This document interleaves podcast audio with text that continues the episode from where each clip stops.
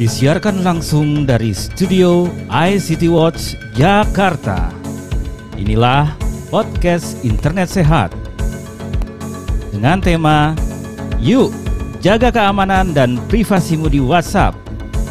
Kali ini kita akan kedatangan Mbak Esther Sambo dari WhatsApp dan selamat menyaksikan bersama host kita Mas Banyu Murti dan Mbak Ovi Dwi Natalia.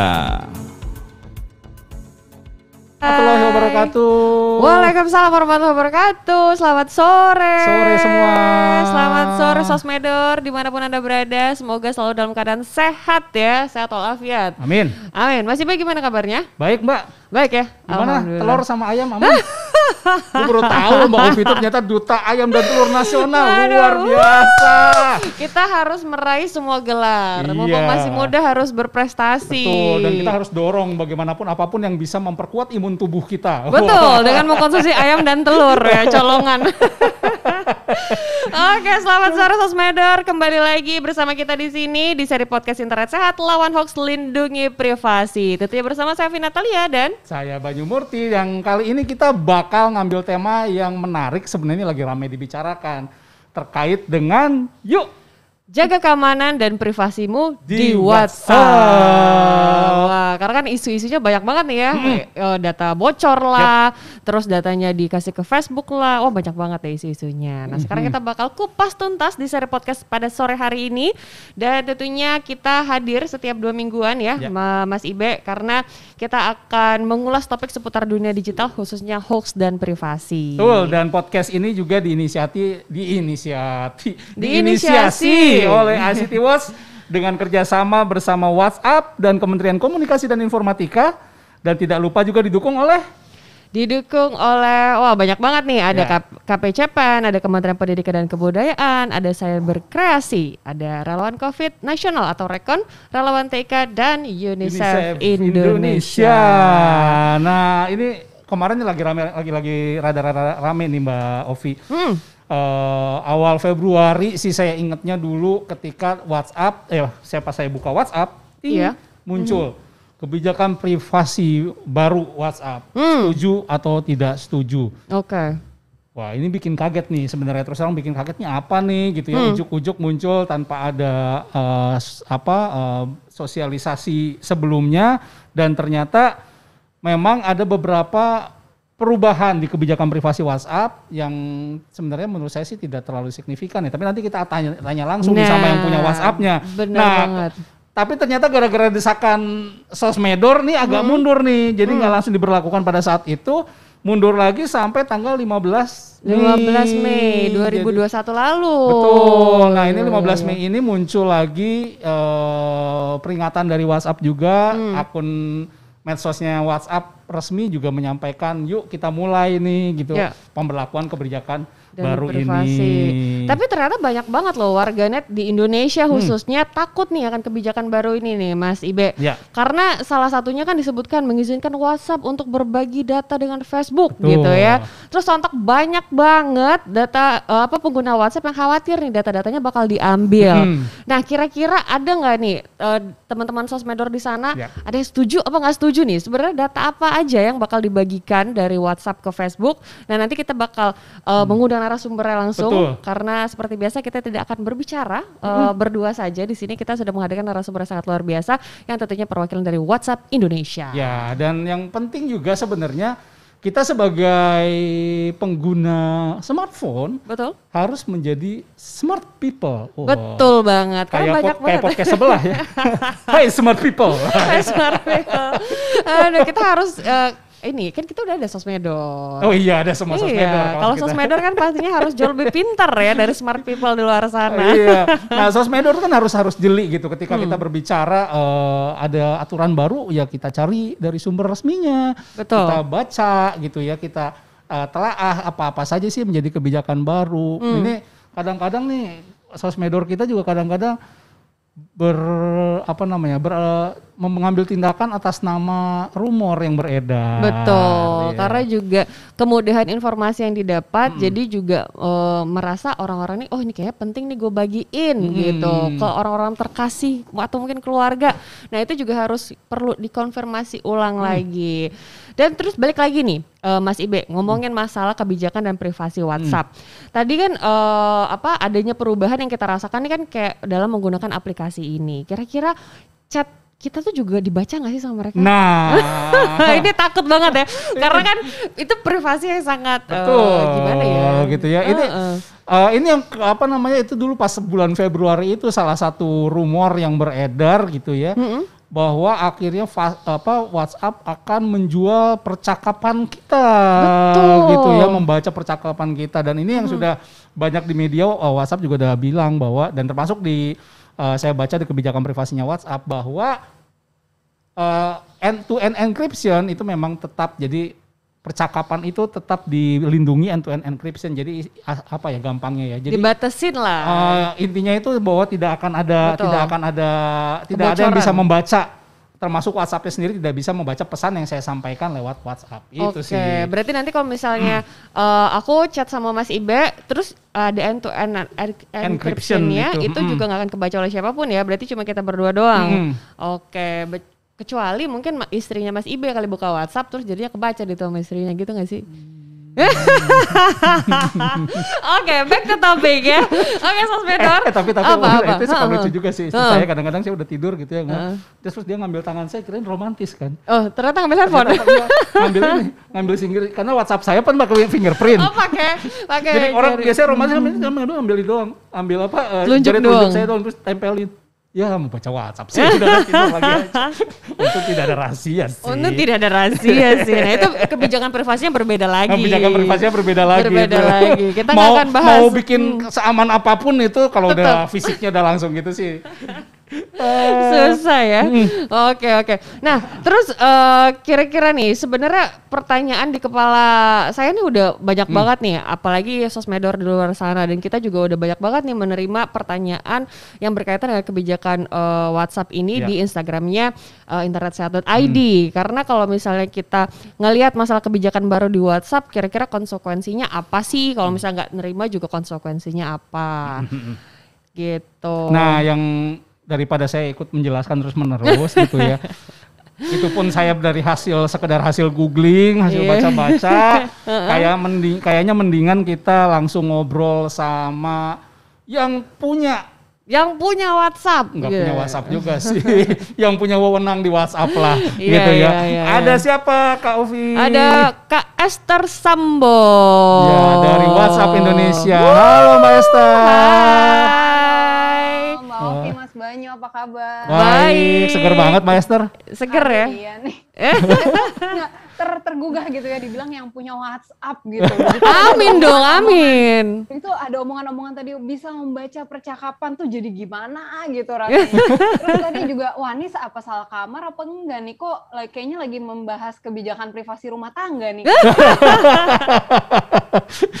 Nanti kita akan tanyakan itu juga bagaimana Ah. WhatsApp melihat kebijakan privasi di sisi rumah tangga. Oke, untung belum berumah tangga saya ya. Jadi di sini saya akan menjadi penengah aja antara Mas Ibe dengan eh, Mbak Esther Sambo gitu ya. Ayo Mbak Esther, Oke. eh, ini sebenarnya kita ngomongin dasarnya dulu nih. Kira-kira apa sih yang ngebuat aplikasi berbagi pesan ini seperti WhatsApp itu disebut aman atau enggak? Itu sebenarnya kan itu yang menjadi menjadi apa namanya yang menjadi pertanyaan gitu. Orang ngomong wah ini enggak aman, ini nggak aman, ini privat, ini enggak privat. Tapi sebenarnya apa sih indikatornya menyebutkan bahwa aplikasi perpesan berbagi pesan ini aman atau tidak aman, atau privat atau tidak privat? Sip, makasih Mas Banyu pertanyaan ini pertanyaan eksistensial ya sebenarnya. Kenapa mesti pakai aplikasi ini? Aplikasi ini aman atau enggak gitu kan?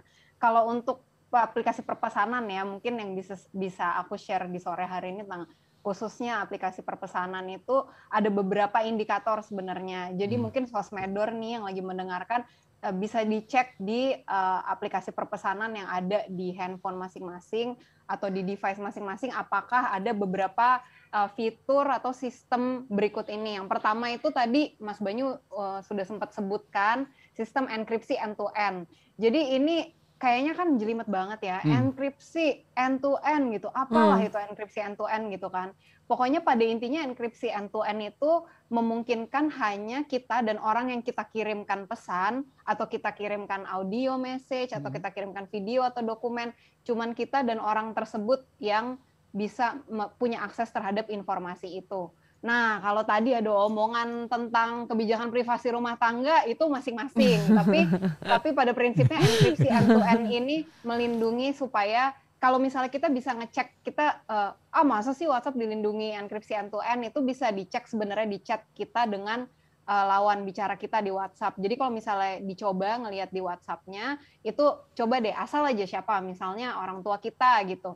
Coba dicek eh, chat dengan orang tua kita atau anggota keluarga kita terus di eh, profil at- kalau diklik ke profil or- kontak tersebut di bawahnya itu ada eh, enkripsi atau encryption pilihan itu di situ bisa melihat tuh ada kode-kode yang teracak-acak lah yang pada intinya adalah Hmm. itu kunci yang dipegang oleh kita dan oleh siapa pun yang memegang WhatsApp tersebut yang mana jadi nggak ada pesan yang di uh, store atau ditaruh diletakkan jadi pesan itu bukan dari satu orang ke orang lain dan kemudian di tengah jalan itu mampir dulu lah ke server WhatsApp Mhm. atau data center WhatsApp atau apa tapi dia tuh semacam terbang teracak-acak gitu ya kalau kalau kalau aku tuh selalu membayangkannya terbang teracak-acak tuh uh, udah gitu sampai ke uh, penerimanya dengan kunci yang ada di uh, WhatsApp tersebut yang cuma bisa dibuka oleh uh, pemilik akun WhatsApp tersebut. Jadi pada intinya bahkan uh, WhatsApp apalagi Facebook gitu ya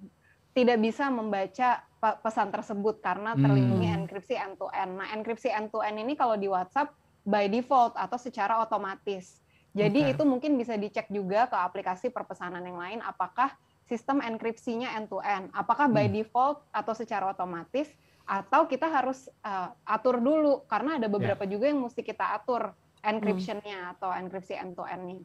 Itu satu tentang enkripsi end to end. Kemudian ada juga verifikasi dua langkah Hmm. yang uh, dengan adanya verifikasi dua langkah itu sebenarnya menambahkan uh, lapisan keamanan untuk akun kita karena uh, itu semacam double password lah ya gitu ibaratnya untuk akun kita yang melindungi dari potensi hal-hal buruk seperti uh, account takeover atau uh, akun yang Hmm. mau diambil alih.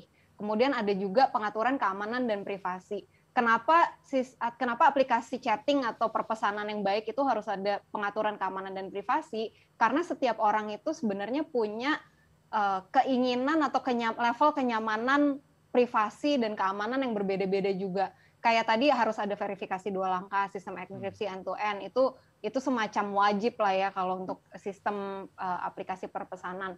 Tapi untuk privacy sendiri itu ada pengaturan yang sebenarnya itu bisa disesuaikan oleh kenyamanan masing-masing pengguna. Contohnya di WhatsApp itu kalau ke uh, pengaturan privasinya di dalam aplikasi itu ada pilihan untuk apakah profile picture itu boleh dilihat semua orang atau enggak. Hmm. About information tuh bisa dilihat Yeah. semua orang atau enggak. Siapa aja yang bisa menambahkan ke dalam grup. Ini tiap orang bisa beda-beda. Betul. Bahkan Betul, mungkin betul. bahkan mungkin saya Mas Banyu sama Mbak Ovi ini beda-beda gitu kan. Apakah uh, boleh dilihat semua orang nggak profile picture-nya? Apa cuman keluarga aja? Apa apa cuman kontak aja? Apa cuman uh, apa semua orang boleh lihat gitu? Uh, dan siapa yang bisa menambahkan ke grup? Nah, jadi bisa disesuaikan uh, ada pengaturan keamanan dan privasi ini cukup penting lah ya untuk uh, Ya. untuk aplikasi perpesanan. Hmm. Kemudian ada juga fitur laporkan dan blokir yang Hmm. kalau misalnya sebuah aplikasi perpesanan itu ada fitur laporkan dan blokir ini itu menambah eh, keyakinan kita sebagai pengguna kita bisa laporin nih kalau misalnya ada yang eh, mengirimkan pesan ke kita aneh-aneh nih kok kayaknya Ya. terus oh ini kayaknya agak sedikit saya nggak pernah kontak nomor ini kok nomor ini kontak ke saya terus menawarkan produk gitu Ya, bisa ya. langsung blok bisa langsung laporkan ke ke WhatsApp juga di dalam aplikasi dan terakhir ada eh, paling ideal kalau ada peringatan login jadi misalnya ada yang Hmm. berusaha Ya, ya, ya, login ya. ke aplikasi tersebut itu dikasih peringatan bahwa eh, Anda terdeteksi mencoba login dari eh, perangkat ABC gitu. Nah, Hmm. jadi kita bisa segera menindaklanjuti gitu kalau misalnya itu bukan kita. Emang di- lebih ya. Di WhatsApp ada itu ya eh, peringatan login itu ya Mbak Esther.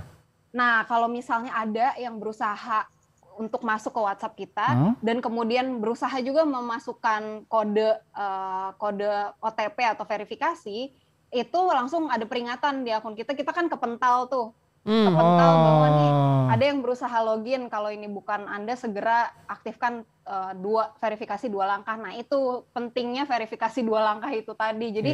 Oh, langsung ini sahih nih yang ini nih yang punya bukan yang berusaha mengambil gitu Oh, wow. Berarti kalau misalnya ada pertanyaan, kira-kira WhatsApp tuh aman gak sih eh, terkait dengan kebijakan privasi penggunanya? Tadi udah dijelasin itu semua yang udah ada di WhatsApp. Iya. Ya nggak sih? Berarti bisa di- bisa disimpulkan bahwa WhatsApp itu adalah aplikasi chatting yang aman kita gunakan, gitu. Nah iya benar Mbak Ovi. Jadi semua yang tadi saya sebutkan itu ada di WhatsApp fitur Hmm. dan sistemnya.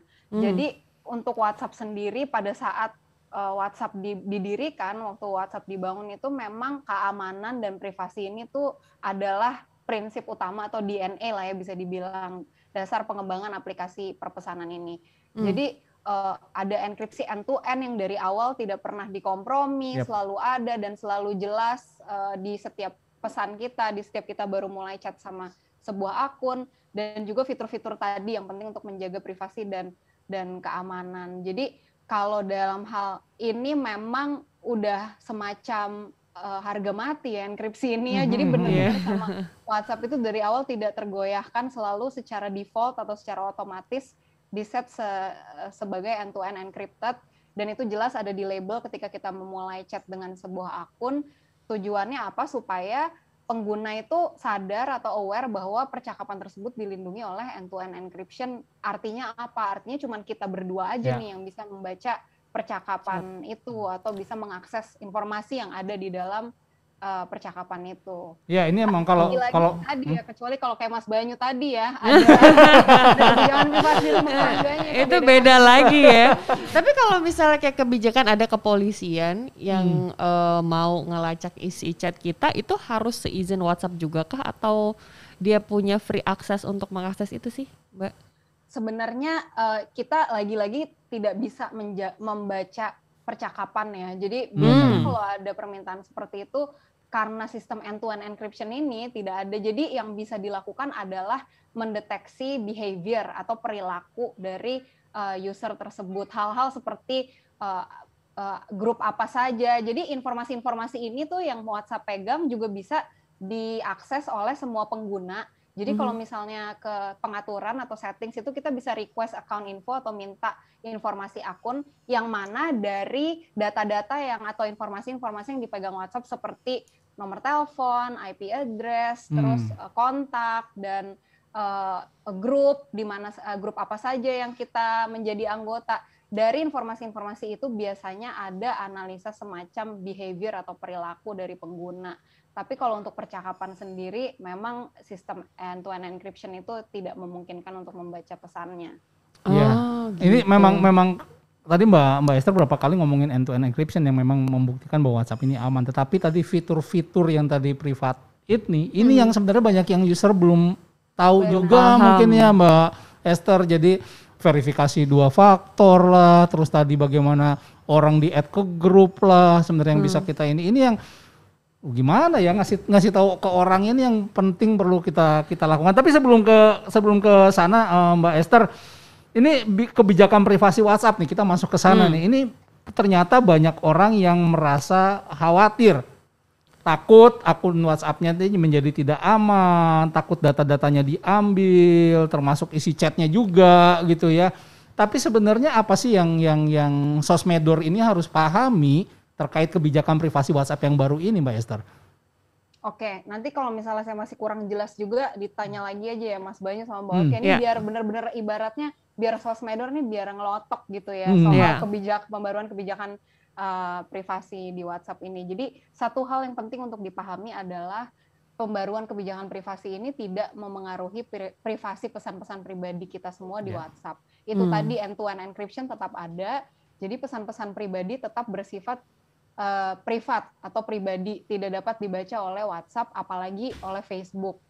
Nah, terus kenapa dong dikasih eh, pembaruan kebijakan privasi ini? Jadi eh, kami percaya bahwa sebenarnya semua aplikasi kan punya ketentuan layanan ya. Jadi kita semua Betul. kalau misalnya uh, mengakses website tertentu atau punya uh, download aplikasi itu ada selalu ada TOS atau Terms of Services, ketentuan layanan ya. dan kebijakan privasi itu wajib ada.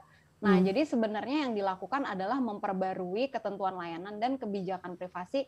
Kenapa? Karena ada beberapa penyesuaian di bisnis messaging atau perpesanan bisnis yang akan dilakukan uh, WhatsApp dan Facebook ke depannya. Contohnya hmm. pertama, jadi ada uh, nanti bisnis itu nanti bisa menggunakan layanan hosting. Jadi datanya dikelola oleh uh, Facebook. Nah, pada saat dikelola Facebook tentu saja harus dikasih tahu dong bahwa uh, bisnis ini datanya, percakapannya dan datanya dikelola oleh uh, hosting services Facebook gitu. Hmm. Dan nanti ada kebijakan privasinya sendiri gitu di di layanan hosting uh, di Facebook itu. Nah, jadi sebenarnya ini pun untuk hal seperti uh, bisnis yang menggunakan layanan hostingnya Facebook akan ada label yang jelas sekali, sangat clear menyatakan. Jadi sama kayak kalau kita mau mulai percakapan itu kan ada this chat is end-to-end encrypted atau hmm, pembicaraan hmm, ya. ini dilindungi end-to-end uh, terenkripsi end-to-end. Nah, nanti juga ada uh, label bahwa uh, Anda sedang melakukan uh, chat atau uh, percakapan dengan akun WhatsApp Business API yang menggunakan Facebook sebagai pengelola uh, hostingnya. Hmm. Jadi hmm. jadi uh, label itu tercatat jelas dan kita punya pilihan kita merdeka untuk oh, saya nggak mau deh kayak saya nggak sesuai sama misalnya uh, saya nggak sesuai nih kalau misalnya datanya diolah sama pihak ketiga, jadi yeah. saya nggak lanjutkan aja gitu. Bisa juga nggak masalah dan uh, melanjutkan chat tersebut. Jadi itu salah satu fitur yang nanti akan ada dari sisi per percakapan bisnis atau bisnis messaging yang kemudian membuat WhatsApp melakukan pembaruan kebijakan privasi.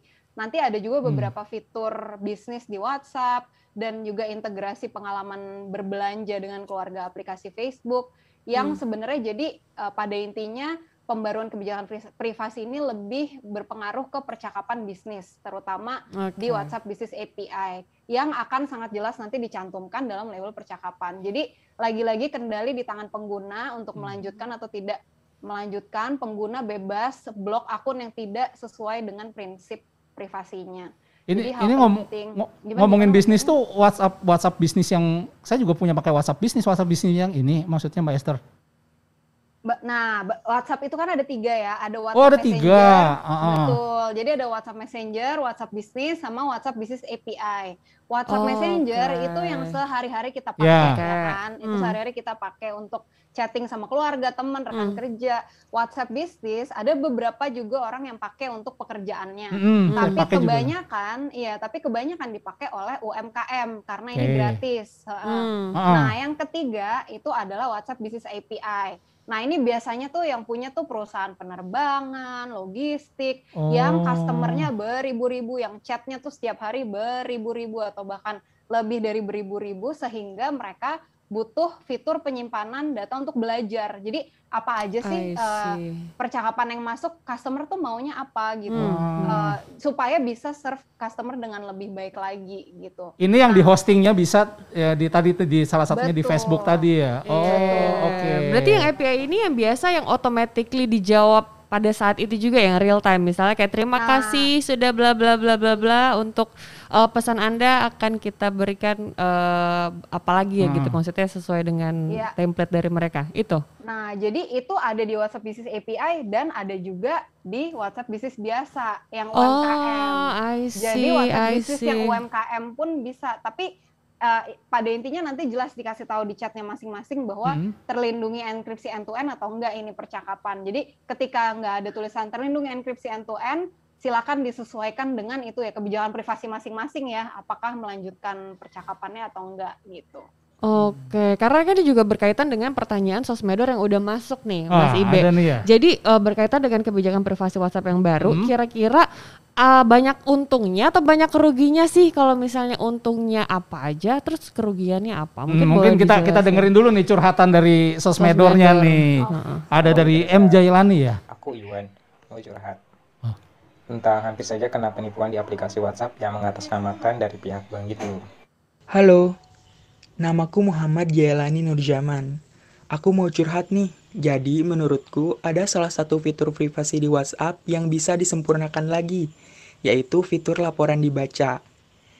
Menurut aku akan lebih sempurna jika laporan dibaca berlaku juga untuk obrolan grup. Selanjutnya, aku mau bertanya tentang kebijakan privasi WhatsApp yang diberitakan beberapa waktu lalu. Menurut pandangan kakak, kebijakan tersebut banyak ruginya atau untungnya bagi pengguna, atau tidak ada untung ataupun rugi. Terima kasih. Terima kasih Jailani pertanyaannya. Antusias sekali nih. Mungkin boleh langsung dijawab nih Mbak Esther. Aduh, uh, dengar curhatannya jadi merasa ini ya, jadi merasa terpanggil untuk mengadres atau menjawab curhatannya gitu. Uh, jadi tadi kan pertama pertanyaannya tentang uh, read read receipt ya atau Ya. sudah pa- apa pesan yang sudah dibaca itu kenapa nggak ada tandanya juga di grup. Nah ini sebenarnya sudah ada nih di Sudah grup. ada, benar Mm-mm. benar benar. Jadi Dan di sudah dibaca aja. sama siapa di grup udah Iya, kelihatan betul. kan. Betul, Kalau misalnya semua kalau- Benar, kalau misalnya semua grup eh, partisipan yang udah baca semua itu centangnya baru hijau semua. Eh biru, Betul. biru. Hmm, Iya. betul, Ya, betul, pengguna betul. WhatsApp banget ya. Butuh brand ambassador Siapa sih yang enggak? Siapa bukan WhatsApp butuh brand ambassador nggak? Ya mungkin dapat kalau 100 nih mau ini. Dapat 100.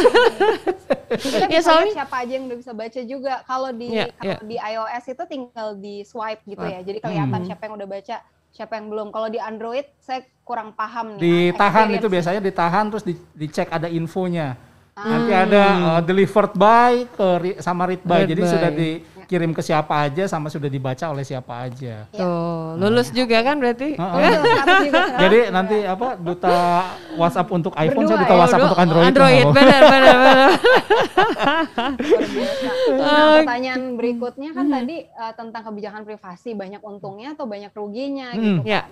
Kalau tentu saja kalau dari perspektif WhatsApp pasti membuat kebijakan ini untuk menguntungkan pengguna gitu kan. Karena uh, dengan adanya fitur-fitur bisnis baru dan mempermudah juga uh, bisnis berada di WhatsApp, mengelola informasi dan perpesanan yang ada di dalamnya itu diharapkan dapat mempermudah uh, dunia usaha dan pada akhirnya membantu pertumbuhan ekonomi mereka dan untuk pengguna tentu saja harapannya memudahkan supaya besok-besok sudah diketahui gitu kan apa eh, dari dari percakapan sebelumnya apa-apa aja yang eh, didapatkan dari percakapan dengan eh, konsumen tersebut. Jadi kalau ditanya eh, banyak untungnya atau banyak ruginya, kalau dari perspektif WhatsApp tentunya kami selalu berusaha untuk membuat pengalaman yang terbaik untuk pengguna. Nah, tapi itu tadi lagi saya mesti kembalikan ke masing-masing. Semuanya tuh punya level of uh, convenience yang beda-beda ya dan ri- risk risk level yang beda-beda lah Betul. gitu. Uh, apakah uh, sesuai atau enggak dengan prinsipnya masing-masing itu dan WhatsApp tentu saja nggak bisa memaksakan. Makanya Betul. kita menyediakan memerdekakan lah ya pengguna untuk kalau misal dengan label itu memberitahu bahwa pesan ini dikelola oleh layanan hosting Facebook. Kalau misalnya nggak mau nggak setuju, nggak tinggal nggak usah dilanjutin aja gitu. Semudah itu sebenarnya. Ya, sangat fleksibel sekali ya. Apalagi kalau misalnya kayak kita nerima uh, WhatsApp dari kontak yang nggak belum pernah kita uh, Iya, save, itu kan iya. ada tulisan spam atau Report blog. Iya, report betul. blog Ah. gitu. Nah itu salah satu usaha yang udah dibikin oleh WhatsApp juga. Ini bener terverifikasi apa enggak atau mengganggu kah pesannya gitu. Keren keren keren keren. Iya, iya. WhatsApp keren banget ya. Eh, nah, tapi ngomongin kebijakan privasi ini nih Mbak Esther, ini kan dulu bulan Februari ya sempat saya pas ininya buka WhatsApp loh ada muncul. Kemudian rame-rame rame, kemudian katanya diundur. Nah, kemarin lagi rame lagi nih per 15 Mei, Mei. ya. Iya. Katanya akan diberlakukan gitu ya. Nah, ini sebenarnya eh, apa resiko kalau misalnya kita tidak menyetujui kebijakan privasi WhatsApp ini nih Mbak Esther? Nah ini per- pertanyaan sejuta umat banget ya. Jadi memang eh, bisa di bisa dikonfirmasi bahwa WhatsApp itu tidak akan karena simpang siur juga kan soal Betul. ini. Wah nanti nggak bisa akses WhatsApp nih kalau udah tanggal 15 Mei. Tapi ini kan sebenarnya udah 3 Juni ya dan Yep. Iya. sa- harusnya tidak ada yang kehilangan akses eh, terhadap WhatsApp-nya. Kenapa? Karena WhatsApp itu tidak akan menghapus uh, akun Akun. pengguna dan tidak satu pengguna pun akan kehilangan fungsi WhatsApp pada tanggal 15 Mei 2021. Jadi yang akan terjadi adalah kami akan mengingatkan secara periodik bahwa uh, WhatsApp nih lagi memperbarui ketentuan layanan dan kebijakan privasi dan Hmm. pengguna bisa menyetujui pada waktu yang sesuai kenyamanan atau sesuai kebutuhannya. Nah, Hmm. ta- tadinya kan ini muncul terus kan ing- peringatannya. Nah, mungkin sekarang akan tidak sesering sebelumnya. Jadi Oke. mayoritas karena ini kenapa? Karena mayoritas pengguna yang sudah melihat pembaruan kebijakan ini sudah menerima uh, pembaruan kebijakan Hmm. ini.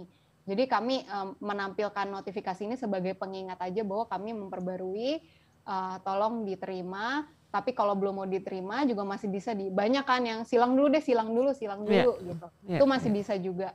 Jadi Oh. eh, pengguna yang belum menerima pembaruan juga kalau merasa belum menerima bisa eh, ada kesempatan lain. Memang nggak ada linknya. Waktu itu kan sempat banyak yang nanya, ada nggak sih Hmm. link atau apa ya Hmm, untuk hmm, hmm. accept eh, ini? Karena kok di di WhatsApp saya belum muncul gitu. Iya. Nah, jadi coba aja di download ulang aplikasinya mungkin belum update atau atau bagaimana. Mhm. Tapi dengan mendownload ulang atau uh, mencoba jadi memasang ulang atau mencoba relogin itu harusnya bisa uh, bisa muncul nanti uh, pop up-nya untuk menerima uh, pembaruan kebijakan privasi dan ketentuan layanan. Oke, Mas Tibe udah menerima kebijakan barunya? Kayaknya dulu refleks nggak baca, oh yes or no saya nggak, ya. yes gitu. aja. itu banyak itu banyak banyak banyak. Tapi contoh yang tidak baik itu contoh yang tidak baik. Harus dibaca dulu sebenarnya. iya iya iya iya benar-benar. Karena terus aku juga belum belum menerima kebijakan privasi WhatsApp loh. Oh gitu. Belum belum. Apa nggak sadar? Terus ya Mbak Ovi ya? Masih Aktif terus sampai sekarang. Iya masih belum belum belum. Oh, belum, belum. belum menerima kebijakan jadi belum pop up juga Oh, jadi belum belum juga. ada informasi tentang kebijakan apa pun dari WhatsApp. Oh. Masih dengan account yang lama atau mungkin kebijakan Oke, yang lama gitu. betul betul. Karena masyarakat Indonesia pengguna WhatsApp-nya sekian puluh juta ya nggak sih sekian Hmm, juta. Jadi iya, mungkin iya, iya. bertahap sama kayak vaksin pak. Oh, iya ya. Teknologinya. iya, iya, iya, iya, sama iya. kayak ini. Nah, tapi kan tadi eh, Mbak Esther udah udah memberikan kebebasan, kebijakan ini eh, dibebaskan nih, maksudnya bagi penggunanya. Nah, kira-kira bagaimana nih kita sebagai pengguna WhatsApp untuk bisa menjaga keamanan dan privasi dalam menggunakan WhatsApp itu sendiri? Karena tadi kayak Mas Ibe bilang banyak yang masih belum tahu tentang mau apa Ya. istilahnya kayak ngeset nama, nomor kita atau bio kita untuk nggak bisa dilihat sama orang lain, kemudian juga eh, s- apa stand receive-nya dan lain sebagainya. Kira-kira menurut Mbak Esther gimana? Apakah perlu sosialisasi lebih mendalam lagi tentang edukasi menggunakan aplikasi WhatsApp ini? Iya, sebenarnya pantau internet sehat aja setiap hari Asik. tuh Oh. ada informasi tuh selalu lang- apa, aktif banget. gitu Masuk kan. ya tektokannya masuk ya. tektokannya sampai. Tektokannya sampai. Iya iya iya.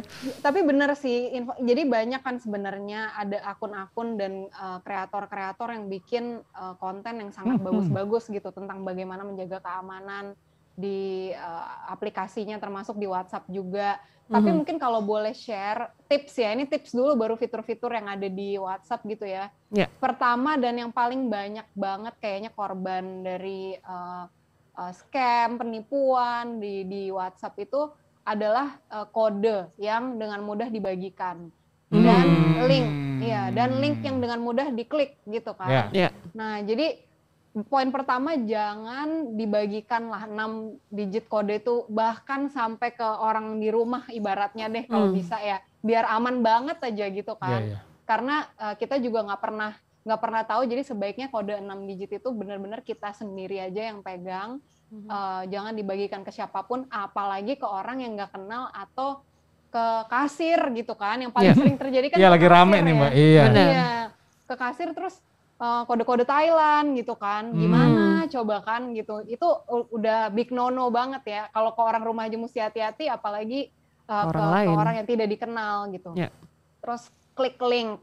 Klik link itu kalau bisa diperhatikan baik-baik siapa yang share linknya. Hmm. Link ini link yang uh, soalnya link itu bisa kemudian mengarah ke phishing. Yap. Hmm, betul. Uh, iya, jadi nanti kita bisa uh, diambillah uh, kode atau informasi yang yang yang ada di di uh, device kita gitu kan. Jadi jangan sampai bagikan uh, informasi-informasi seperti itu atau mengeklik uh, link-link dengan sembarangan tanpa mengetahui klik link itu link apa. Mhm. Terus berikutnya in- informasi pribadi itu juga sebaiknya jangan dibagikan kepada orang yang tidak dipercaya. Ini ini tuh agak sulit karena eh, kayaknya sudah sering ngobrol sama Mas Banyu ya soal ini. Eh, KTP itu kan seliweran banget ya kayak Iya. minta fotokopi eh, apa atau enggak foto KTP-nya gitu dengan mudahnya kita bagikan aja gitu di di WhatsApp gitu kan. Mhm. Nah kayak gitu-gitu tuh harus ada kesadaran dari kita bahwa jangan membagikan uh, informasi yang sifatnya pribadi. KTP Hmm. itu tuh adalah data pribadi kita gitu kan. Jangan membagikan uh, data pribadi uh, termasuk KTP. Juga bisa mengaktifkan verifikasi dua faktor dan Hmm. uh, berhati-hati kalau menerima pesan dan telepon dari orang yang tidak dikenal. Itu mungkin uh, berapa tadi ya? Lima tips uh, untuk menjaga keamanan ya. Kalau di, di WhatsApp sendiri apa aja fitur yang ada untuk bisa mendukung keamanan tersebut itu? Tadi yang bawa Vitanya di WhatsApp tuh ada apa yang bisa membantu kita melindu, menambah keamanan kita gitu. Pertama itu tadi yang sudah dibahas dari tadi verifikasi dua langkah itu ada di kalau lagi pegang handphone nih semua sosmedor nih bisa diambil handphonenya langsung aja ke WhatsApp lihat di pengaturan terus akun terus Hmm. ada verifikasi dua langkah. Ya. Nah selama ini kalau nggak sering ditanya nama WhatsApp pin verifikasi dua langkah kode verifikasi dua langkahnya berapa berarti itu belum setting. Jadi banyak orang yang berpikir udah nih udah bikin gitu. Hmm. Banyak yang berpikir udah kok udah punya verifi- uh, verifikasi dua langkah udah bikin kok uh, Hmm. pin uh, 2FA gitu. Ternyata kalau misalnya selama ini nggak pernah ditanyain WhatsApp berarti belum karena WhatsApp secara periodik Hmm. bertanya Ya, itu ya, juga ya. untuk menjaga Betul, keamanan. Jadi jadi random aja ditanyanya biasanya, Iya, iya, misalnya iya. berapa hari sekali atau beberapa kadang-kadang dua hari, kadang-kadang tiga hari, kadang-kadang empat hari. Jadi random untuk mengecek bahwa ini masih dipegang orang yang benar gitu dan Hmm. supaya kita juga ingat karena kan kita suka lupa eh, pin-pin yang ada itu kan. Terus Benar, benar, eh, benar. Iya, terus ada juga fitur laporan dan blokir itu tadi ya, yang Mhm. kalau misalnya, wah ini kok kayaknya eh, agak mengancam pesannya, atau kok ini kayaknya misinformasi atau apa bisa langsung dilaporkan dan eh, diblokir untuk men- lebih menjaga keamanan. Dan ini sebenarnya dari WhatsApp eh, mendukung kalau user itu langsung blok dan report akun-akun yang spam, yang eh, menyebarkan misinformasi dan lain sebagainya. Kenapa? Karena sistemnya WhatsApp itu ada sistem yang bekerja 24 jam untuk mendeteksi laporan-laporan uh, dari pengguna. Jadi sebenarnya WhatsApp juga terbantu oleh pengguna yang mengirimkan laporan-laporan ini gitu. Oke. Nah, berikutnya ada pengaturan privasi itu tadi yang Hmm. ini yang yang saya selalu senang ngomonginnya karena beda-beda orang beda-beda selera itu Ya, tadi ya, ya. Betul. Karena uh, itu bisa disesuaikan di WhatsApp misalnya uh, di jadi kalau lagi nih lanjut abis kan tadi udah nih setting uh, pengaturan uh, verifikasi dua langkah sekarang lanjut nih ke pengaturan privasi tuh ada di pengaturan akun privasi Hmm. itu bisa di bisa di set sendiri bisa diatur mau Hmm. fotonya mau bisa dilihat siapa aja Ya. Uh, terakhir dilihat atau lasin bisa dilihat Iya. siapa aja siapa yang bisa menambahkan ke grup. Nah ini mungkin uh, insight juga yang baru buat sosmedor yang lagi mendengarkan bahwa sebenarnya bisa loh uh, orang yang nggak ada di kontak kita tuh diblok dari menambahkan kita ke dalam grup baru gitu. Kita tuh suka Hmm. terpaksa kan accept masuk-masuk ke grup yang kita nggak terlalu pengen sebenarnya Wah, gitu. Terus mau keluar mal apa nggak enak Nggak gitu enak, kan, nggak keluar nggak enak, segen. Mau keluar nggak enak, nanti jadi bahan pembicaraan pas habis keluar gitu kan. Nah, ini sebenarnya bisa kita sesuaikan juga, bisa diatur di uh, pengaturan akun privasi itu. Siapa aja yang bisa Hmm. menambahkan kita ke dalam grup gitu. Nah, uh, satu hal yang perlu di-highlight karena ini lagi banyak terjadi adalah kasus impersonation. Oh iya, ini Hmm, lagi banyak personifi- banget ya betul. Ya, Banyak betul. Jadi kasus impersonafik impersonifikasi ini uh, biasanya diawali dengan uh, si bad actor ini atau si oknum ini berusaha dia, dia mengambil informasi yang ada yang tersedia untuk umum. Misalnya Hmm. kita pengaturan privasinya uh, foto bisa dilihat semua orang. Hmm. Ya. About information bisa dilihat semua orang. Nah itu kan tinggal di copy paste aja kan, Yep, tinggal di yep. download fotonya sama sama orang tersebut, sama oknum tersebut, terus dia beli nomor baru, pura-pura itu jadi kita dengan cara-cara social engineering atau apa pun itu mencoba mendapatkan akses ke kontak. eh, setelah itu atau misalnya ternyata satu komunitas atau apa kita tidak pernah tahu juga terus punya akses terhadap kontak kita dan mulai eh, mulai mengkontak kontak kita gitu ya ini Iya. banyak banget terjadi yang yang akhirnya dikirimkanlah itu uang darurat Hmm. karena Penipuan. Hmm. Ya. iya penipuannya tuh biasanya eh, perlu Ya. uang darurat lah atau misalnya nah, apa eh, bisnis opportunities lah gitu misalnya Ya. ada lelang di mana gitu coba nih Mhm. di diklik gitu kan karena udah ada rasa percaya oh dikira uh, pemilik akun yang itu tapi ganti nomor nah jadi impersonation ini lagi cukup uh, banyak jadi kalau bisa pengaturan privasinya dibuat sehingga uh, foto kita nggak bisa diakses oleh orang yang tidak ada di kontak kita dan about informationnya juga itu uh, akan lebih menambah keamanan di WhatsApp juga. Oke, nah itu ya berarti, nah berarti harus hati-hati juga nih. Nah ini masalahnya ngatur-ngatur ini kadang-kadang kan uh, maaf juga nih kadang-kadang kalau orang tua gitu pakai kan ya, oh iya gitu tinggal pakai aja langsung gitu lasin lasin itu apa? Iya. aduh udah cuma sampai situ doang Mbak Esther lasin itu apa gitu. Ganti pro ganti profile picture aja minta bantuan cucunya iya. kan? Nah, itu iya. yang jadi ingat nih waktu pas uh, saya memperkenalkan WhatsApp kepada uh, orang tua saya. Hmm. karena dulu masih zaman BBM ya jadi jadi sebut merek nggak apa-apa ya. Jadi kan uh, messenger juga kan maksudnya uh, aplikasi chat lainnya. Terus mau ajak pindah ke WhatsApp itu susahnya bukan main. Yeah. Bukan main. Jadi di situ kita ngelihat uh, setiap generasi pun ada behavior yang berbeda juga oh. dengan adanya update atau mungkin uh, digitalisasi yang berkembang pada saat ini hmm. gitu. Wah, kita deh back back back to topik lagi nih. Oke, okay, tadi Mbak Ovi bisa nih jadi agen-agen nih. Jadi uh, agen-agen ini nih dibutuhkan untuk bantuin yang ada di rumah gitu kan, ngajarin dengan telaten gitu. Iya. Jadi kenapa mesti diubah, karena gimana caranya gitu. Itu ah. udah udah otomatis sih kayaknya kalau udah di rumah udah ditodong itu dulu. nah, Mbak Mbak Esther, kalau tadi kan ngomongin uh, ngelaporin orang ya kalau misalnya kita ternyata tadi ada penipuan hmm. gitu ya atau ada uh, spam. spam gitu ya itu dilaporkan. Nah kalau konten sendiri gimana nih misalnya nih ini kita tahu nih ada orang yang sering ngirimin konten hoax lah paling inilah hmm. terus gitu ngirimin. Ini kalau konten sendiri bisa kita laporin nggak sih mbak di platform WhatsAppnya? Nah, itu tadi uh, Mas Banyu yang disampaikan soal yang, yang tadi saya udah sampaikan soal WhatsApp tuh sebenarnya mendukung penggunanya untuk pakai fitur blok dan laporkan itu ya dengan hmm. uh, sebaik-baiknya gitu karena itu membantu mendeteksi juga.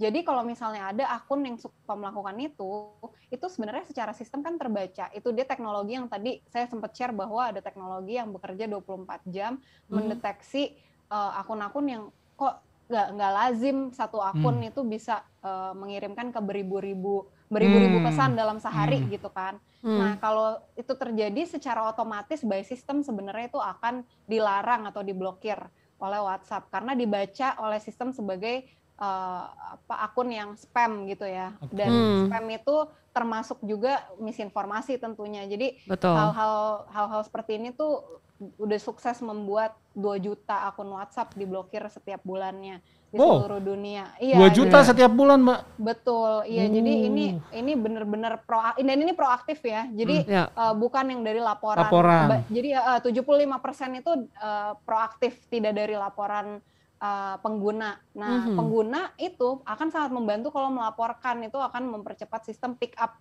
atau mendeteksi hal-hal yang oh ada laporan dari pengguna ini. Oh iya ternyata secara sistem dibaca nih behavior atau perilakunya juga memang uh, seperti tidak seperti akun yang pada umumnya. Jadi ini ini berarti spammy atau banyak mengirimkan spam dan biasa spam itu hmm. kebanyakan pesan-pesan uh, misinformasi juga atau berusaha untuk melakukan penipuan contohnya begitu. Oke, berarti yang di blog itu adalah akunnya ya, bukan kontennya ya. Karena kalau konten itu beda lagi kan ya. Hmm. Kalau iya, konten itu beda lagi. Nggak bisa dibaca soalnya. Karena nggak bisa oh, iya, dibaca. end to end tadi. Iya, beda dengan medsos bener, kayak bener, Facebook bener. gitu, Instagram kan bisa baca iya, semua orang. Iya, itu kan iya. di posting yang bisa dibaca semua orang gitu bisa dinilai. I see, Oke, oke. Oh. Jadi host internet sehat juga menambah informasi saya ya. Oh, iya Terima dong. kasih loh.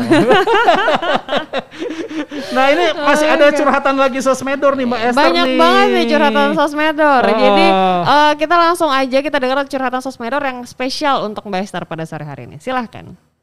Halo internet sehat. Aku Iwan, mau curhat. Entah hampir saja kena penipuan di aplikasi WhatsApp yang mengatasnamakan dari pihak bank gitu. Katanya sih pihak bank perlu untuk mengupdate data nasabah. Jika nasabah tidak melakukan update data segera, maka akun banknya akan segera diblokir. Kemudian, aku disuruh cek pesan WhatsApp gitu. Pesannya gini, harap segera mengupdate data Anda. Di sana terlampir juga sebuah link yang setelah saya buka seperti mengisi data diri gitu. Untung aku tidak langsung percaya dong. Uh, akhirnya aku langsung hubungi saja call center banknya dan pihak bank mengatakan dengan tegas bahwa pihak bank tidak pernah melakukan hal tersebut. Mohon diabaikan saja. Wah, berarti bener nih kalau aku hampir kena tipu. Dari situ aku belajar lebih baik, cek dan recheck dulu dan selalu waspada sebelum melakukan hal-hal yang mencuriga mencurigakan atau apa pun yang berkaitan dengan data pribadi. Terima kasih internet sehat. Kembali kasih. Tuh, data pribadi berkaitan dengan uh, data dan keperluan di bank nih. Gimana nih Mbak Esther? Ini tadi sebenarnya Iwan udah sebut keywordnya sih. Aku nggak langsung percaya dong katanya gitu. Hmm, yeah. hmm, hmm, Nah hmm. itu tuh keyword tuh sebenarnya. eh, Jadi kita berinteraksi di di di digital space ini ya atau di lingkup digital itu perlu penting banget punya mindset itu nggak langsung percaya gitu. Jadi Betul. sebenarnya yang uh, tadi Iwan bilang udah betul nggak langsung percaya dia cek dulu ke sumber resminya gitu kan. Ini tadi yang tadi kita udah bahas sebagai phishing itu tadi kan bahwa ada link yang meminta data-data. Nah ini tuh juga harus diwaspadai juga uh, supaya tidak menjadi motif untuk mengakses data pribadi kita termasuk uh, aset digital kita yang lainnya. Jadi yang sudah dilakukan Iwan ini tadi nggak langsung percaya, cek dulu ke uh, bank resminya itu udah udah sangat tepat dan uh, perlu dicontoh oleh sosmedor lainnya untuk selalu memvalidasi terlebih dahulu informasi atau pesan yang kita terima sebelum melakukan aksi. Jadi Hmm. keywordnya itu uh, nggak langsung percaya dong, Iya. itu harus ada sebelum kita action gitu ya, sebelum klik lah, sebelum Mhm. kita ketik-ketik lah, itu tuh di mindset kita udah harus ada, jangan langsung percaya gitu. Cari cara tahu dulu di tempat yang resmi. Gitu. Oke, jadi jangan langsung percaya dong. Nah, itu penting banget karena kadang-kadang kita itu mengesampingkan kepercayaan itu karena melihat yang mengirimkan pesan adalah orang yang bisa kita percaya. Nah, itu juga perlu hati-hati. ketiknya profesional banget gitu kan. Iya, terus link yang dibagikan pun juga link yang dengan nama-nama besar namun dengan slash atau mungkin titik atau mungkin typo hurufnya yang di eh, gonta-ganti. Nah, itu juga perlu diperhatikan. Oke deh. Nah, ini eh, apa namanya? Kita mau coba masuk ke sesi Q&A ya. Hmm, Sesi Q&A singkat aja. Ini ada pertanyaan dari Bu Mariam Barata yang nonton. Oh, ada salam. Ada salam. Kemudian ada Bung Mariam nonton. Ibu Maria, nonton halo Bu Mariam sehat Halo, selalu ya. Ibu kemarin kita ketemu ya. Iya. kemarin kita ketemu sekarang ketemu Ketemu lagi. lagi. Semoga nggak bosan ya. Mbak Esther juga jangan bosan ketemu sama saya ya. Kemudian ada Azril Zelamena, salam dari Ambon. Wah. Wah, Kemudian salam Ambon. Ambon, keren banget nih sosmedor ya. Ada dari Evelyn MS0. Nah, pertanyaannya di sisi apa saja lalu bagaimana cara kita bisa melindungi data kita? Apa tidak mengirimkan data penting lewat WhatsApp? Oh, ini yang ini Gimana? kali kayak misalnya apa? Sama. Boleh aman nggak sih kalau kita ngirim KTP lewat WhatsApp gitu? Iya, Mungkin sih, karena kan ada. Kebutuhan lain misalnya kayak dibutuh untuk data eh, transfer mentransfer ya kan Ah, NPWP KTP-nya KTP. kirimin dulu nah itu Iya. itu sering banget loh melalui WhatsApp nah itu kira-kira menurut Mbak Esther gimana Iya, itu sih sebenarnya yang tadi sempat apa aku bahas juga ya. Dan ini kemarin sebenarnya Mbak Evelyn nih harusnya kemarin ikut program literasi digital ya. Iya. Uh, sama ICT Watch sama Kominfo ya. Ibu Mariam kan kemarin panjang lebar Iya. dari Kominfo Betul. menjelaskan soal uh, apa yang termasuk data permasalahannya adalah banyak dari kita yang nggak sadar bahwa apa sih data pribadi itu Mhm. dan emang kenapa kalau kalau ketahuan atau kalau orang lain pegang gitu itu makanya banyak kan meme yang beredar eh, tentang data pribadi yang ada di eh, apa namanya bungkusan gorengan lah segala macam Iya, itu kan iya, meme iya. yang beredar itu Iya. banyak nah itu kan sebenarnya ironi ya karena itu sebenarnya data yang sangat amat pribadi kemarin ini kalau saya sebenarnya yang mengutip Ibu Mariam aja ya kemarin harus disadari oleh eh, masyarakat bahwa data-data pribadi itu tuh seharusnya tidak dibagikan dengan mudah gitu. Tapi Hmm. lagi-lagi itu tadi ya. Kalau ini saya mengutip Mas Banyu nih. Kadang-kadang memang nggak nggak nggak bisa dialakan gitu ya. Mhm. Eh, ada dan itu memang praktek gitu. Bahkan kita eh, masuk ke gedung atau ke kompleks diminta eh, KTP-nya KTP. gitu. Nah, terus apa yang bisa dilakukan gitu kan untuk itu? Sebenarnya kita bisa mencoba bertanya alternatif lain selain Hmm. identitas yang ada data pribadinya gitu. Dan kalau misalnya di di WhatsApp dan lain sebagainya, WhatsApp-nya tidak bisa melihat karena dilindungi enkripsi end to end. Tapi Iya. bagaimana dengan kebijakan privasi orang yang kita sedang berbicara gitu Hmm. kan? Mhm. Eh, apakah akan terlindungi atau tidak gitu. Jadi itu perlu di, dipastikan dulu bahwa kita dan orang yang mengelola data kita itu sama-sama punya prinsip kebijakan privasi yang sama. Yang sama. Ya, gitu. I see. Oke, Ya, oke, ya. oke. Nah ini masih masih ada pertanyaan lagi nih Hmm. dari Sosmedor nih Mbak. Ini eh, tadi kan ngomongin di apa perlu ada di update supaya mendapatkan pop up tadi ya. Tapi sebenarnya Mbak Esther nih dari Najla Azarin nih Mbak. Perlu nggak sih sebenarnya aplikasi yang kita gunakan itu diupdate supaya memang menjadi eh, menjaga privasi dan lebih aman? Emang sep- eh, Nah. penting nggak sih ngupdate ngupdate aplikasi eh, ngupdate WhatsApp itu Mbak? Ya, jadi uh, teknologi itu kan selalu dibilang ever changing gitu ya, selalu berubah. Jadi Betul. ini adalah salah satu dari uh, seluk-beluk teknologi yang memang uh, karena selalu berubah, jadi perubahan itu sebenarnya uh, untuk aplikasi yang bertanggung jawab dan transparan harusnya memberitahu. Dan ini sebenarnya yang dimaksudkan oleh WhatsApp juga dengan memberi uh, notifikasi pembaruan kebijakan privasi. Kita berusaha untuk transparan, kasih tahu ke pengguna bahwa kita memperbarui. Dan ini eh, kalau kalau aku ngelihatnya ini adalah hal yang lazim di industri teknologi ya bahwa memang ada ketentuan layanan, ada kebijakan privasi dan eh, eh, kewajiban dari eh, platform atau aplikasi untuk eh, terbuka gitu untuk Hmm. memberitahu bahwa kita melakukan pembaruan. Karena itu tadi kan te- teknologi yang selalu diperbarui ini eh, nggak fair sebenarnya kalau pengguna nggak dikasih tahu bahwa teknologi ini diperbarui gitu kan. Jadi sebenarnya eh, prinsipnya di situ sih dan semangatnya sebenarnya itu untuk kasih tahu ke pengguna bahwa kita memperbarui ini yang perlu kalian tahu sebagai pengguna gitu. Mhm, mhm, mhm. Iya, iya, iya. Oke, ini ada pertanyaan juga nih dari Ian Okta, Mbak Esther. Untuk pengajuan akun WhatsApp bisnis yang verified ke mana ya? Selain ke penyedia WhatsApp API besar dan apa memungkinkan komunitas mendapatkan wa- WhatsApp bisnis yang verified? Ini ini banyak banget sih yang ditanya eh, nanya ke saya juga mentang-mentang saya apa eh, pernah gitu ngeli apa bekerja sama dengan WhatsApp terus nanya bantuin dong dapetin centang biru di WhatsApp hijau. gitu ya Iya, oh, centang iya. hijau ya centang Iya, hijau di WhatsApp hijau kalau WhatsApp. Eh, ya oh, bantuin dong gimana caranya bis nah itu Iya. gimana sih prosedurnya sih Mbak Esther Nah, kalau ini kan yang centang hijau centang hijau ini biasanya adalah WhatsApp Business API. Dia Oh. WhatsApp Business API.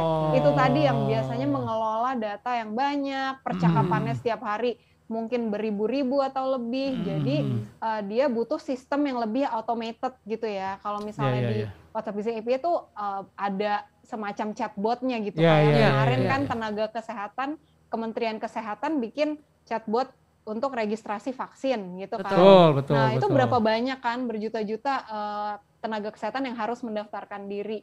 Nah, jadi itu eh, mengelolanya ya dengan WhatsApp Business API itu dan dengan demikian bisa mendapatkan si centang hijau-hijau atau verifikasi itu. gitu. Hmm. Ini sama dengan ini saya juga baru keingetan nih yang kalimat sadanya Mavindo ya Mbak ya. Yang Betul. untuk hoax itu juga saya cek oh iya ini ada centang hijaunya gitu Centang ya. hijau, betul. Iya. betul. Malah saya WhatsAppnya Mbak Esther saya nggak ngelihat ada centang hijaunya Mbak. iya, itu dia. Eh, padahal kan yang punya WhatsApp katanya Mbak gimana sih? Karena yang nyari belum sebanyak itu Mas Ibe. Kurang beribu-ribu sih kayaknya. Tapi untuk mengajukan prosedur itu sendiri itu susah nggak kira-kira? Ada nggak sih selain apa mungkin nggak selain WhatsApp bisnis API? Nah, eh, emang kalau untuk verifikasi yang centang hijau itu memang Hmm. harus lewat rute eh, WhatsApp Business API atau Oh, API itu ya. Dan itu oke. biasanya kita nggak nggak prosesnya itu bukan dengan WhatsApp eh, langsung juga ada yang namanya Business Solutions Provider. Nah, bi- Business Oh, Solutions oke. Provider atau BSP ini yang biasanya eh, adalah sekelompok developer gitu ya, yang Mhm. apa unit usaha devel- developer yang bikin API dengan kerjasama dengan WhatsApp, kemudian mereka biasanya bisa kasih-kasih cara-cara kreatif, misalnya, oh ini konsumennya atau kliennya atau anggota komunitasnya yang dibutuhkan apa sih kayak uh, WhatsApp Business API-nya Mavindo itu kan cek fakta. Jadi Hmm. setiap hari data yang diupload di situ adalah data misinformasi. Jadi hari ini misinformasi yang banyak beredar apa gitu. Terus keyword-keyword tertentu, jadi kita ketik keyword tertentu, dikasih tahu nih top misinformasi yang beredar pada hari ini apa saja gitu. Mhm. Jadi itu itu biasanya dikerjakan bersama dengan uh, BSP atau Business Solutions Provider itu. Oke.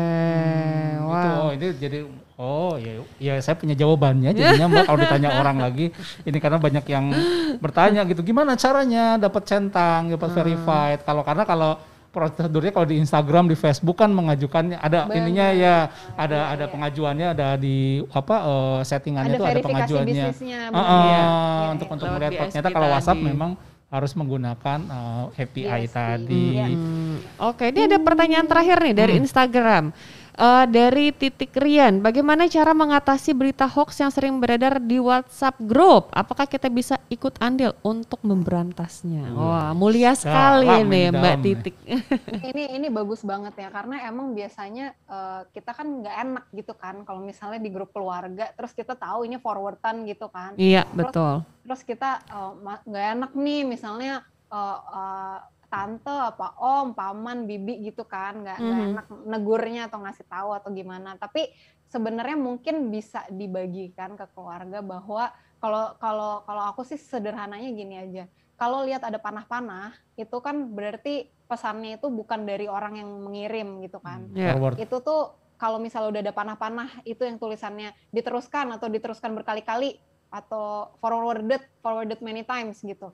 Itu eh, kita mesti pelan-pelan tentunya dengan cara masing-masing ya karena kan beda beda grup beda juga nih cara-cara komunikasinya gitu Mhm. bahwa kita harus lebih berhati-hati dengan pesan-pesan yang ada panah-panahnya ini karena berarti bukan dikirim oleh uh, orang yang mengirimkannya langsung apalagi yang udah diteruskan berkali-kali ini berarti pesan-pesan viral kan biasanya kalau Iya. kayak Hmm. gini nah jadi uh, kalau kita udah bisa melakukan semacam edukasi literasi digital seperti itu ya di grup-grup kita itu harusnya ke depannya udah gampang deh. Jadi Hmm. kalau ada forwardan udah tinggal bilang aja panah-panah tuh atau apa gitu kan. Iya, jadi iya. orang-orang lebih aware bahwa ini eh, tunggu dulu jangan langsung percaya nih gitu kan. Kayak tadi kata eh, curhatan sosmedor yang tadi nggak langsung percaya dulu nih gitu. Mesti cek-cek lagi ke eh, sumber-sumber yang eh, verified gitu atau yang resmi Mhm. Mhm.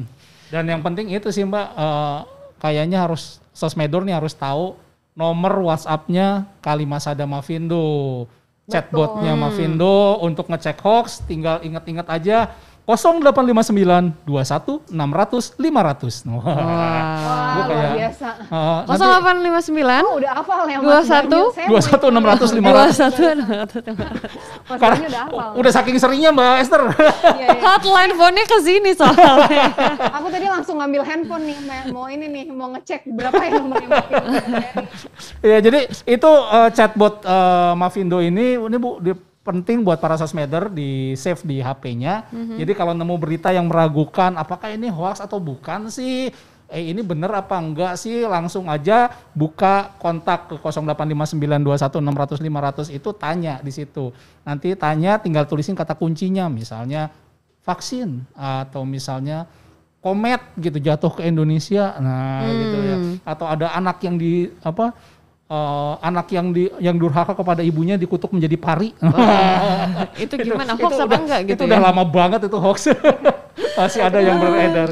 iya iya iya. Tapi Nah, benar Mas Bayu, heeh. jadi eh, chatbotnya Mavindo ini nih bisa saya bilang cukup keren ya karena update setiap hari eh, apa Ya. namanya misinformasi apa yang beredar banyak beredar pada pada hari itu. Jadi karena diupdate terus, jadi eh, mes- mesinnya itu tahu, botnya itu tuh tahu. Nanti kalau kita masukin keyword-keyword yang kita pengen tahu, tadi kayak Mas Banyu bilang vaksin misalnya, terus air gitu. Karena kan Hmm. kemarin banyak tuh yang beredar kalau minum banyak air bisa mencegah COVID gitu kan. Ya.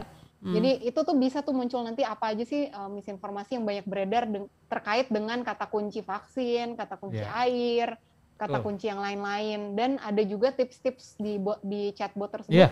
Ada tips-tips yang cukup berguna juga untuk Betul. bagaimana. Gimana untuk pemeriksa fakta gitu Iya, ya. Iya. Betul. Oke deh kalau gitu. Nah ini udah nggak kerasa sejam. nih udah sejam kita ngobrol-ngobrol seru ya. ya kalau ngobrol sama WhatsApp yang punya WhatsApp Iya. tadi ya, itu kayak nggak cukup satu jam Iya. karena banyak sekali pertanyaan yang masuk. Tapi sangat disayangkan eh, sebelum kita menutup eh, sesi seri podcast internet sehat ini, mungkin kita boleh minta statement dari Mbak Esther Sambo tentang edukasi literasi digital. Silahkan. Terima kasih Mbak Ovi. Saya mengingatkan tidak bosan-bosan untuk sosmedor supaya satu jangan membagikan 6 digit kode atau kode apa pun kepada siapa pun. Kedua, jangan klik link secara sembarangan tanpa mengetahui link tersebut itu link resmi atau tidak. Mm-mm. Ketiga, aktifkan uh, verifikasi dua langkah. Itu gampang banget ada di pengaturan akun verifikasi dua langkah. Dan keempat, kita semua punya kebebasan untuk menentukan pengaturan privasi kita di WhatsApp. Jadi silahkan langsung ke pengaturan akun dan privasi dan disesuaikan uh, hal-hal seperti tadi siapa yang bisa menambahkan ke grup, siapa, uh, siapa yang bisa melihat foto profil, siapa yang bisa melihat kapan dilihat terakhir terakhir dilihat atau lasin dari akun kita dan lain sebagainya. Dan uh, kalau sudah memahami dan sudah melakukan hal-hal tersebut disebarkan ke uh, sekelilingnya terutama mulai dari keluarga aja dulu deh Hmm. kalau udah kayak gitu tuh uh, biasanya harusnya ya jadinya ke yang lain-lain bisa tersebar dengan baik juga cara-cara uh, jurus jitu ini ya untuk menjaga keamanan dan privasi di WhatsApp. Oke, wah keren banget. Terima kasih banyak Mbak Esther Sambo atas waktu dan kesempatannya. Thank you Mbak Esther. Dengan Terima kasih eh, kita berdua di sini. Telat nih dari tepuk tangannya gimana? Iya, Kaget rame. Kita juga kaget berdua di sini. Ternyata ternyata rame ya. Rame rame di sini. Rame, Ada sekitar dua orang. Iya. Tapi jangan salah ya nonton seri podcast ini rame karena tersebar Oh iya. Dan mulai Hmm. dari YouTube, Facebook, Instagram. Ya. Jadi bagi yang kelewatan nonton pun bisa langsung akses di YouTube Internet Sehat. Di Tuh. situ semua edukasi literasi digital kita mulai dari bulan kemarin, awal Hmm. tahun kemarin sampai saat ini ada di sana. Dan juga ada di Spotify, Ada di podcast internet juga. Spotify, bener banget. Oke. Jadi kalau misalnya mau males buka YouTube, bisa langsung sambil jalan di mobil, bisa sambil dengerin podcastnya Internet Sehat. Ya. Oke deh kalau gitu terima kasih banyak Mbak Esther. Terima kasih Mbak Esther. Dan- Terima kasih Mbak Ovi dan Mas Banyu. Iya, Sehat-sehat. sehat-sehat selalu Ya sehat selalu. Sampai ketemu lagi. Sampai ketemu lagi. Ketemu. Bye. Nah, itu dia. Edukasi literasi digital kita tidak berhenti sampai situ. Hmm. Karena podcast internet sehat ini akan hadir secara dua mingguan Yap. di setiap hari Kamis pukul 4 sore. Eh, bisa diakses melalui tadi ya, tadi ada YouTube, eh, Instagram, Facebook, ada Spotify juga. Jadi sosmedor tetap saksikan podcast internet sehat ini. Iya, terima kasih juga buat para sosmedor yang sudah standby, Betul. sudah ikut berpartisipasi dalam kegiatan podcast internet sehat ini dan jangan lupa untuk tetap follow Instagram internetsehat.id karena di situ akan banyak update-update Mbak. Baik tadi seperti eh, update-update terkait literasi digital maupun event-event yang kita adakan. Betul banget. Apalagi juga bagi sosmedor yang sudah memberikan pertanyaan ke kita, wah kita sudah tampilkan di eh, diskusi kita. Selain itu kita juga dapat memberikan merchandise menarik yang sudah disiapkan dari Internet Sehat. Jadi jangan lupa untuk follow dan pantengin terus Instagram internetsehat.id. Dan eh, bagi teman-teman sosmedor yang ingin berpartisipasi di podcast kita juga bisa mengirimkan curhatan sosmedor Ya. karena nanti kita akan pilih eh, terkait tema dua mingguan podcast ini. Eh, jadi pantau terus IG story-nya dan kita akan pilih pertanyaan yang paling menarik akan mendapatkan hadiah dari kita. Oke, dan dengan Demikian. Oh, demikian. Ini mau disimpulkan Dengan dulu nggak? hormat boleh, Oh, boleh, disimpulkan boleh. dulu ya. Hmm. Silakan tadi eh, Mbak Esther menyebutkan empat langkah. Silakan Mbak Ufi. Empat langkah. Jadi empat langkah. Bentar, bentar, bentar. Saya, saya buka catatan dulu ya. Wah hebat Mbak Ufi rajin dia nyatet Saya buka catatan dulu. Ini, ini udah kebiasaan. Jadi tadi dari WhatsApp sudah memberikan kebijakan privasi yang aman bagi penggunanya, Hmm. mulai dari memberikan end-to-end encryption, kemudian harus melakukan verifikasi dua langkah, dan ini juga perlu banget bagi teman-teman yang belum mendapatkan kebijakan baru, mungkin lakukan dulu nih verifikasi dua langkahnya agar Hmm. bisa terupdate uh, berkaitan dengan kebijakan terbaru dari WhatsApp. Kemudian juga di situ ada keamanan dan privasi, ada lapor dan blok juga, Hmm. dan harus uh, perhatikan juga peringatan untuk login akun kita di device yang lain. Oke, terima kasih Mbak Ovi, terima, Terima kasih, kasih, Sosmedor, Sosmedor, dan terima juga tentunya kasih. terima kasih kepada pendukung acara ini, WhatsApp, Kementerian Komunikasi dan Informatika, juga ada Mitra-mitra pendukung lainnya ada KPCPEN, ada Kementerian Pendidikan dan Kebudayaan, ada Cyber Kreasi, kemudian ada relawan COVID Nasional atau Rekon, kemudian ada apa lagi mas? Relawan TIK dan juga UNICEF Indonesia. Indonesia. Dan kalau yang mau nonton lagi, tetap pantau juga selain di IG Internet Sehat, ada di s.id garis miring ICT Watch. Oke, dan akhir kata saya Vina Natalia. Dan saya Indriatno Banyumurti. Pamit undur diri sampai berjumpa di seri podcast internet sehat selanjutnya. Lawan, hoax, lindungi privasi. Mbak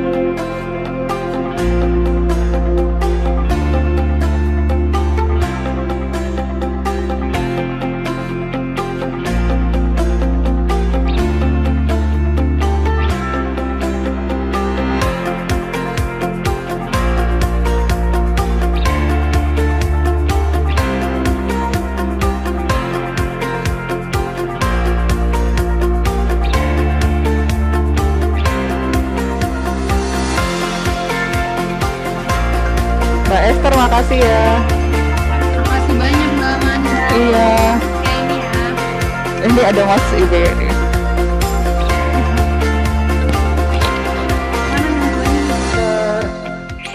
Thank you ya Mas Banyu.